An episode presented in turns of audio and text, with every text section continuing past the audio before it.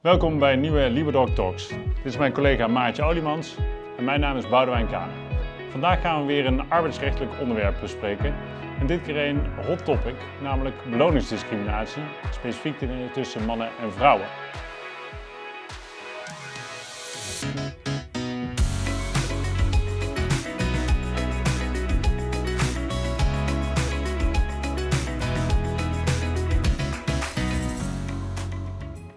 Maatje, ehm, kun jij eens vertellen wat uh, wettelijk verboden onderscheiden zijn? Nou, op basis van de wet is het een werkgever verboden om onderscheid te maken tussen een uh, man en een vrouw bij onder andere de beloning. Um, het onderscheid mag ook niet zien uh, op de manier van functiewaardering en de manier waarop je iemand wel of geen promotie geeft en andere arbeidsomstandigheden. Ja, en er zijn ook uh, andere wettelijk verboden onderscheiden.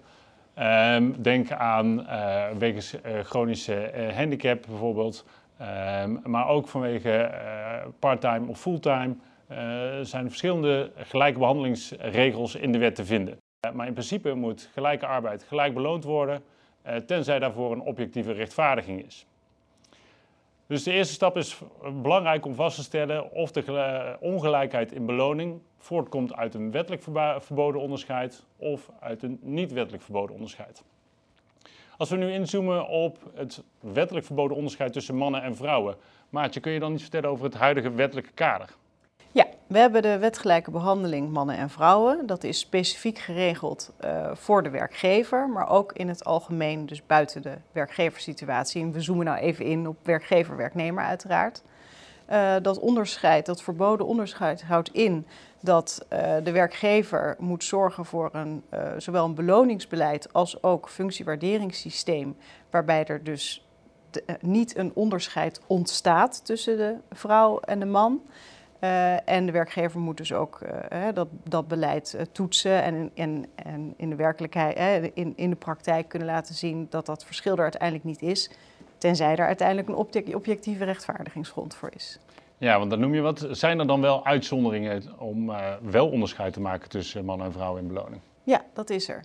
Um, het directe onderscheid uh, mag bijna nooit. Dus gewoon wat je zegt, we willen alleen maar vrouwen aannemen. Nou, dat, dat kan zelden, maar er zijn functies bijvoorbeeld waar dat directe onderscheid wel kan. En dat zijn hele uitzonderlijke situaties. Bijvoorbeeld, je zoekt een actrice die uh, de Queen moet vertolken. Nou, dat zou toch heel gek zijn als je daar een man voor moet aannemen. Dus dat kan niet. Maar dat zijn de echte hele bijzondere uitzonderingen. En dan heb je het indirecte onderscheid. Dus ik zoek niet specifiek een man of een vrouw. Nee, de functie die moet worden vervuld of de eisen die eronder gesteld, dat leidt er uiteindelijk toe dat er alleen maar mannen solliciteren of dat er alleen maar mannen worden aangenomen. Nou, dat is indirect onderscheid. Dat, daar kan een rechtvaardiging voor zijn, dat is dus die objectieve rechtvaardigingsgrond. Um, en ik denk het beste is om er even een voorbeeld van te noemen. Bijvoorbeeld uiteindelijk komt erop neer dat alleen maar mannen een promotie of mannen een hoger salaris krijgen in een bepaalde functie. Nou, dan moet de werkgever uitleggen wat voor objectieve rechtvaardiging die daarvoor heeft. Nou, bijvoorbeeld dat iemand recente werkervaring moet hebben om die functie te vervullen, omdat er heel recent in die functie nieuwe ontwikkelingen zijn geweest. Dus je kan de functie alleen maar vervullen als je daar heel veel ervaring in hebt. Nou, het komt toch heel vaak voor dat vrouwen een tijdje minder werken of geen werkervaring hebben als gevolg van zorg voor de kinderen. En daardoor worden er uiteindelijk na de selectie meer mannen aangenomen dan vrouwen in die functie. Dan heeft de werkgever een objectieve rechtvaardigingsgrond om indirect onderscheid te maken. Helder, dankjewel. Um, er is natuurlijk onderzocht wat de oorzaak uh, kan zijn van dat uh, probleem en dat dat blijft bestaan. En daaruit komt naar voren dat uh, transparantie een belangrijk, of het gebrek aan transparantie een belangrijke oorzaak is waarom dat onderscheid er nog steeds is. Daarnaast zijn er in de praktijk toch nog te veel obstakels voor vrouwen om het aan de kaak te stellen. En ten derde is er onduidelijkheid over het begrip wat nou gelijke arbeid is. Als je hebt over gelijke beloning voor gelijke arbeid, moet je wel weten wat gelijke arbeid is. Um, daar wordt aan gewerkt aan een oplossing in de vorm van een Europese richtlijn.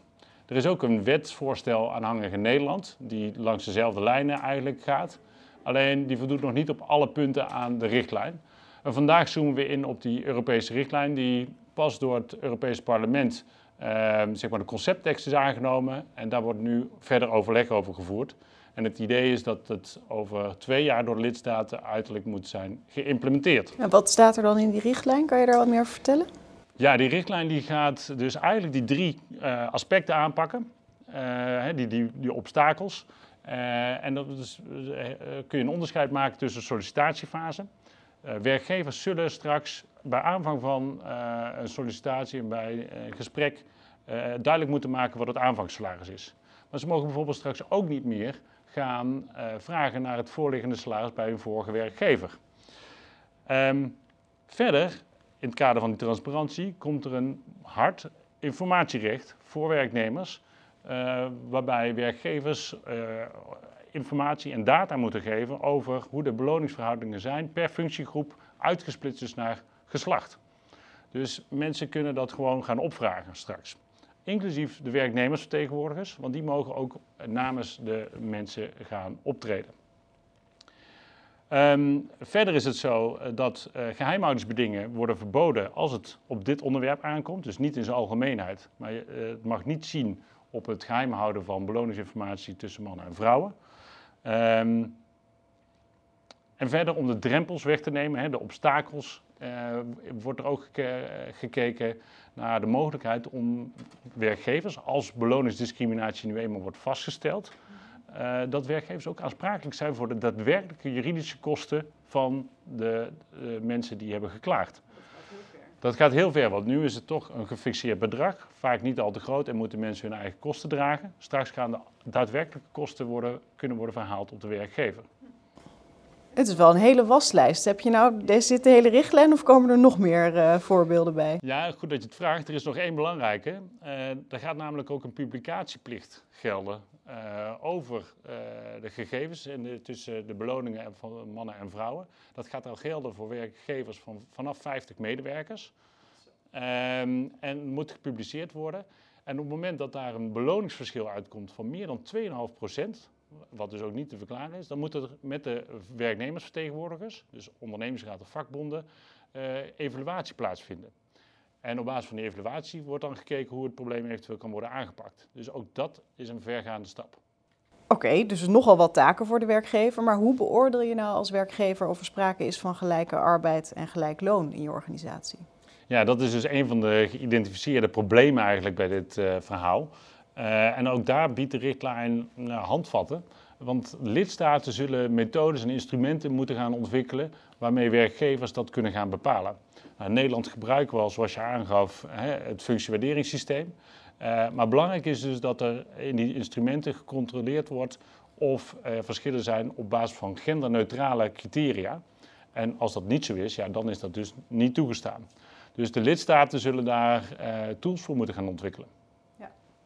Goh, Boudewijn, dank voor je toelichting. Ik denk dat er een uh, flinke taak ligt voor werkgevers in Europa om uh, gelijke arbeid gelijk te belonen. Um, we weten nu wat meer. Dank je wel. Dank jij ook.